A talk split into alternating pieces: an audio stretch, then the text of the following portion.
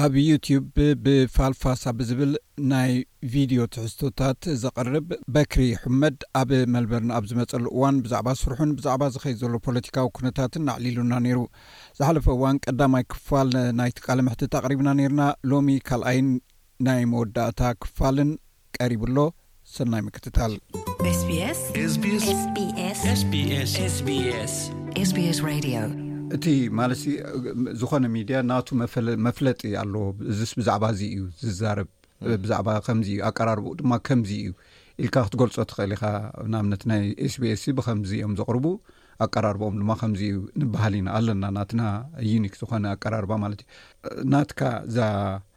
ፋልፋሳ ትርጉማ እንታይ እሞ ቅሬታ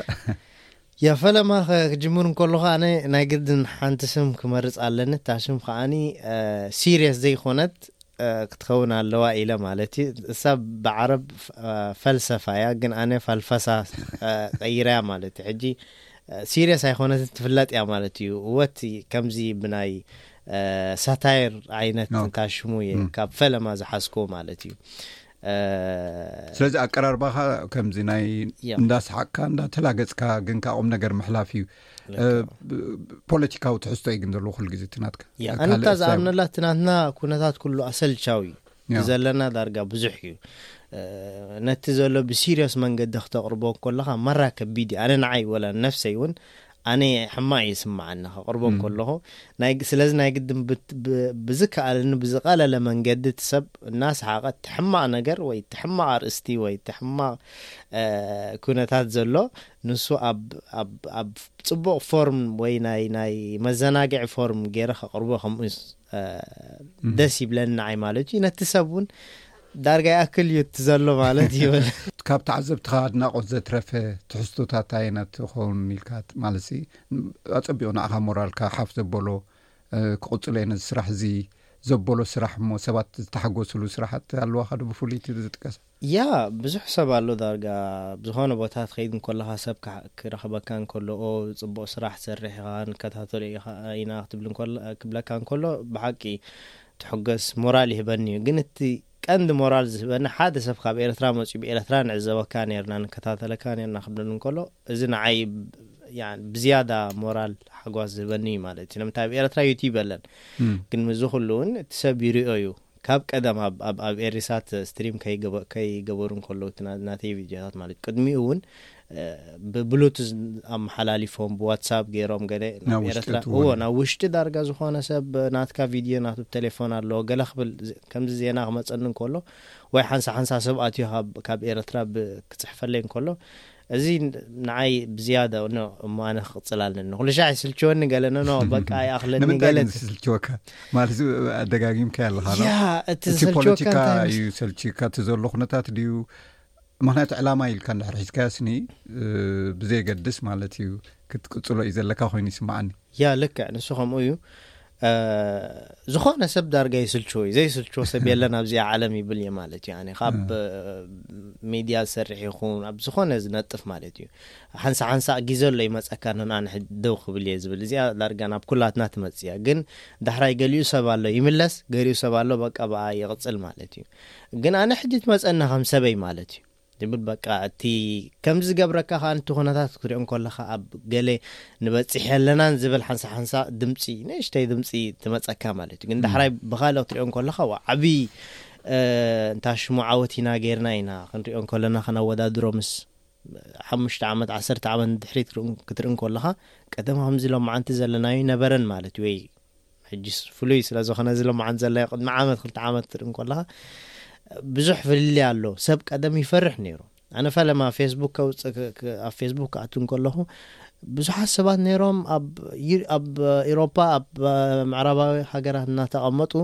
ብ fake ኣካውንት ይጥቀሙ ኔሮም ማለት እዩ ስለምንታይ ይፈርሕ በቃ ከምዚ ኣነ ሓደ ን ኤርትራ ክከይድ እንኮሎ ንዓይ ብሎክ ይገብረኒ ካብቲ ንታሽሙ ናቱ ፍሬንድስ ምሳይ ኤርትራ ከይድ ግን ሎምዓንቲ ኖርማል ኮይኑ ዋላ ኣብ ኤርትራ ኮይኑ ቪድዮ ናትካ መሊኡ ገለ ይንቀሳቀስ ኖርማል ወላ ኣብ ዩሮፕ ኮይኖም እቲኦም ብፌክ ኣካውንት ይጥቀሙ ዝነበሩ ኖርማል ኮይኖም ስምዒቶም ወይ ርእቶም ይገልፁ ማለት እዩ እዚ ክትርኢ እንኮለካ ደሓን ኢና ዘለና ለውጢ ይመፅእ ኣሎ ትብል ኢኻ ሓንሳ ሓንሳ ግን ምናልባት ለውጢ ሓንቲ እውን ዝሰራሕካያ ነራ ንድሕሪት ኢና ተመሊስና ናብ ቅድሚ ዕስራ ዓመት ኢና ተመሊስና ዝብል ቅሩብ ናይ ተስፋ ምቑራፅ እውን ዘቕረብካያ ነራ እሞ ናይ ብሓቂ እቲ ለውጢ ክትሰርሓሉ እስኻን ብፆትካ ንፀናሕኩም ሲ ብፍላይ ምስዚ ኩነታት ኢንተራፕት ኮይኑ ዘሉ ዝበልካዮ ንድሕሪት ድዩ ተጎቲቱ ተስፋ የለን ድዩ እንታይ እዩ ዝረኣየካ ብዛዕባ ናይ ኤርትራ ሂወት ኣብ መፃኢ ኣብ ዝቁር መፃእስ እንታይ ይረኣየካ ንሱ ኩሉ ሻዕ ተስፋ ኣሎ እዩ ወላ ክንምንታይ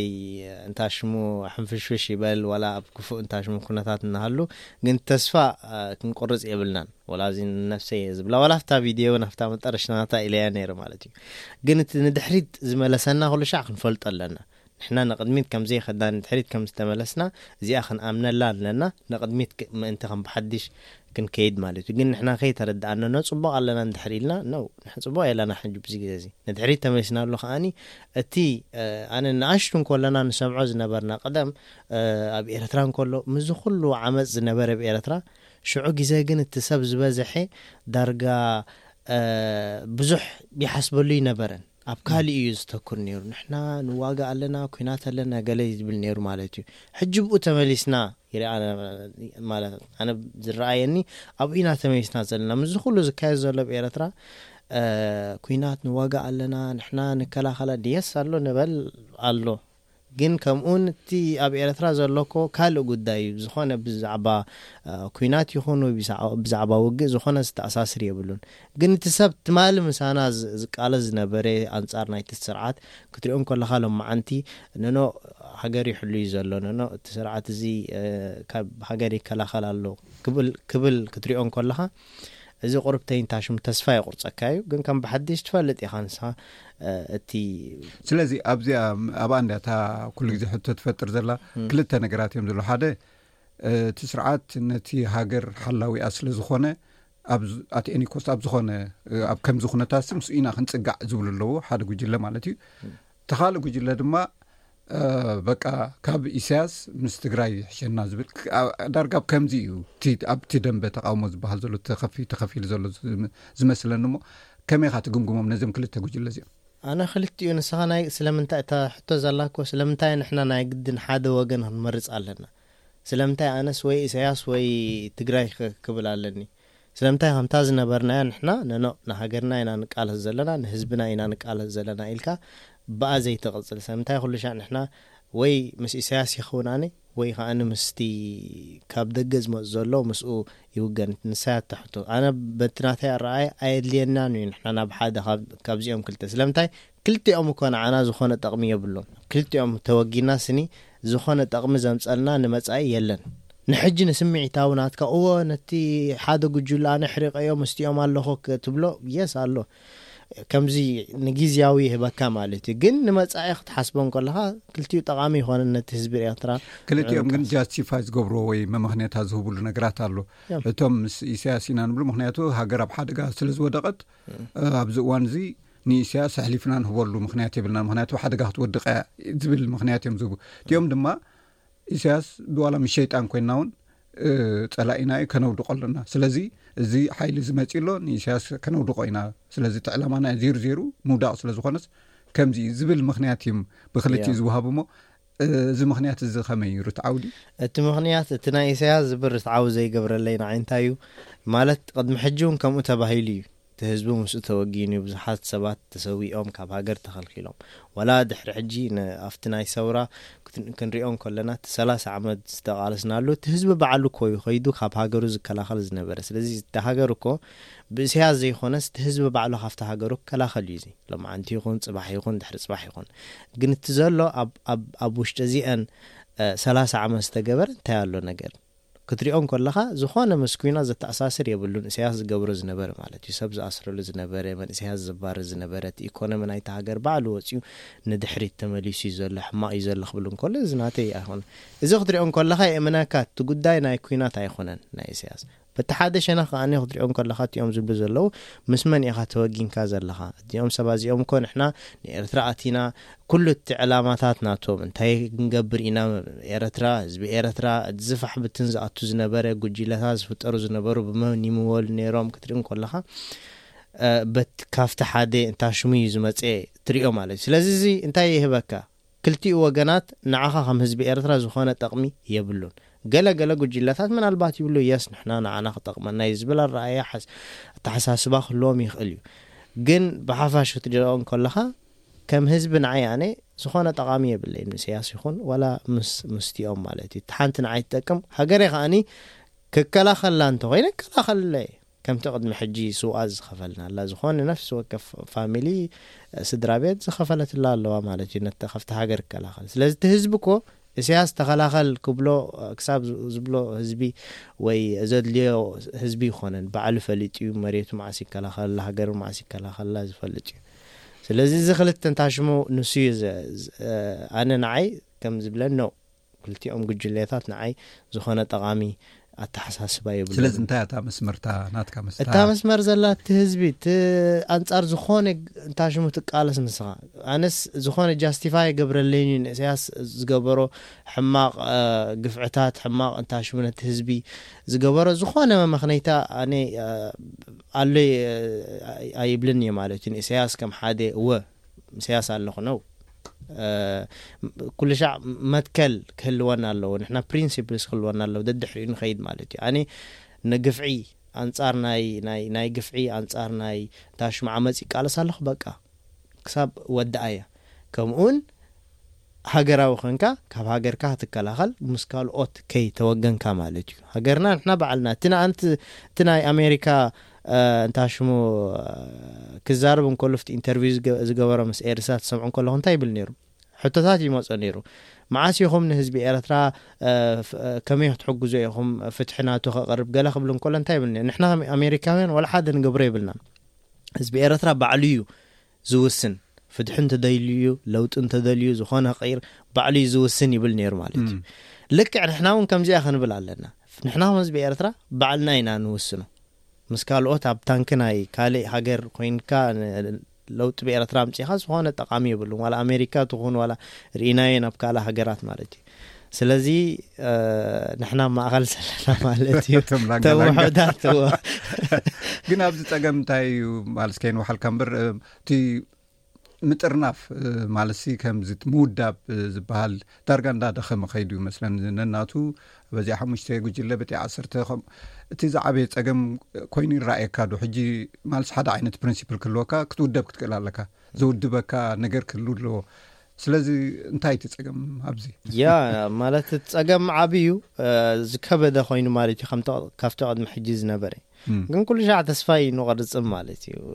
እዚ ዘጋጥም እዩ ካብቲ ዝሓለበ ዝሓለፈ ቅድሚ ሕጂ ካብኡ ዝኸፍአ ኣይመፅን እዩ ማለት እዩ ወይ እዚ ዓመታት ዝሓለፍናዮ ቅድሚ ሕጂ ሽዑ ግዜ ዝነበረሉ እቲኦም ተቃወምቲ ኣንፃር ናይቲ ስርዓት ዝቃወሙ ውሑዳት ዝነበሩሉ ማለት እዩ። ዋላ ንሕና ኣብ ኤርትራ ካብ ኤርትራ ከይወጻና እንከለና ምቅዋም ተቃወምቲ ክትሰምዕ እንከለኻ በቃ ካልእ ኢኻ ትወስዶም ማለት እዩ። ግን ምስ ግዜ ምስ ግዜ ኣብቲ ስርሖም ተስፋ ከይቆረጹ ኣብ ደረጃ ናይ ዝበዝሐ ህዝቢ ናይ ኤርትራ ከም ዝፈልጥ እንታይ ኣሎ ኣብ ኤርትራ እቲ ስርዓት ናይ ኣብ ኤርትራ ዘሎ እንታይ ከመይ ዝመሰለ እዩ ኩሉ ሰብ ኣሚኑ ኣብዚ ደረጃ እዚ ብጺሖማ ማለት እዩ። ሕጂ ንድሕሪት ተመሊስና ኢና ዘለና ከም ብሓድሽ ሕጂ ውን ተስፋ ኣይንቆርጽን እቲ ተስፋ ምቁራጽ ንሳ እያ እታ ኣራይ በክሪ ምናልባት ሕቶታት ወዲእ ኣለኹ ኣብ መፃኢ እንታይ እዩ ማለት ሰብ ካባካ እንታይ ክፅበ ኣብ ስራሕካ ማለት እየ ከምዚ ውላእ ጥፍእ ዲካ ክትብል ወይስ ብቐፃሊ እንዳመፃእካ ገለ ቁም ነገር ዘለዎ ትሕዝቶታት ከተቐርብ ነዚ ፀገማት ክንብሎ ዝፅናሕና እውን ናብ ምዕራይ ተራኻ ከመይ ይኸውን? ኣነስ እታ እቲ ናተይ ዝገብሮ ስራሕ ዳርጋ ከምዚ ሓደ ቆልዑ ዘለዎ ኩሉሻዕ ብኦም ዝሓስብ ከምኡ እየ ኮይነ ዘለኹ ማለት እዩ ዋላ ይጥፋእ እምበሪ ኩሉሻዕ ዳርጋ መዓልታዊ እየ ሓስብ ኣነ ኦኬ ናብ ሕጂ ክምለስ ኣለኒ ሕጂ እታ ናተይ ቻለንጅ ንነፍሰይ ዝገብራ ማለት እዩ ንሳ እንታይ እያ ብዘይገድስ እንታይ የጋጥም እንታይ ይቅየር ኣነ ግን በታ ንነፍሰይ ከምዚ እንታ ሽሙ ስኢለያ ዘለኹ ካርታ ንሳ ከኣኒ ኣነ ንምንታይ ይቃለስ ኣለኹ ምስ መን ከኣኒ እቲ ህዝበይ ነቲ ህዝቢ ኤርትራ ዘሎ ንዑ ቁርብተይ ወላ ብዝከኣለኒ የስ ኣነ ሓደ ሰብ እየ ምጥረሽታ ግን ብዝከኣለኒ ናተይ ወላ ንእሽተይ እንተገይረ ናብ ፅቡቕ ንህዝቢ ኤርትራ ትወስድ ዳርጋ ንዓ ክቕፅላ ይብል ማለት እዩ ብጣዕሚ ፅቡቅ የቀኒለይ በክሪ ሕመድ ፈልፋሳ ትብል ናይ ዩትብ ዘቅርብ ሓውና ዩ ልዕሊ ሚእት ሸ ሳብስክራይበርስ ዘለዎ እዩ ብዙሓት መንእስያት ዝከታተልዎ እንዳስሓቀ እንዳተላገፀ እውን ቁም ነገር ፈይ ዘብል እዩ ኣብ መፃኢ ስራሓቱ እንዳረኣና ክንቅፅል ኢና ኣብ መልበርን ፅቡቅ ግዜ ከልወካ እንዳተመንኹ ግዜካ ሰዊእካ ናይ ዕረፍትካ ኣብዚ ኣብ ስትድዮ መፅካ ኣብ ስትድዮ ስቤስ ምሳና ስለዘዕለልካ ኣዝየ የመስግነካ። Thank you። SBS ትግርኛ ኣብ ሬድዮ ኣብ ኦንላይን ከምኡ ውን ኣብ ሞባይል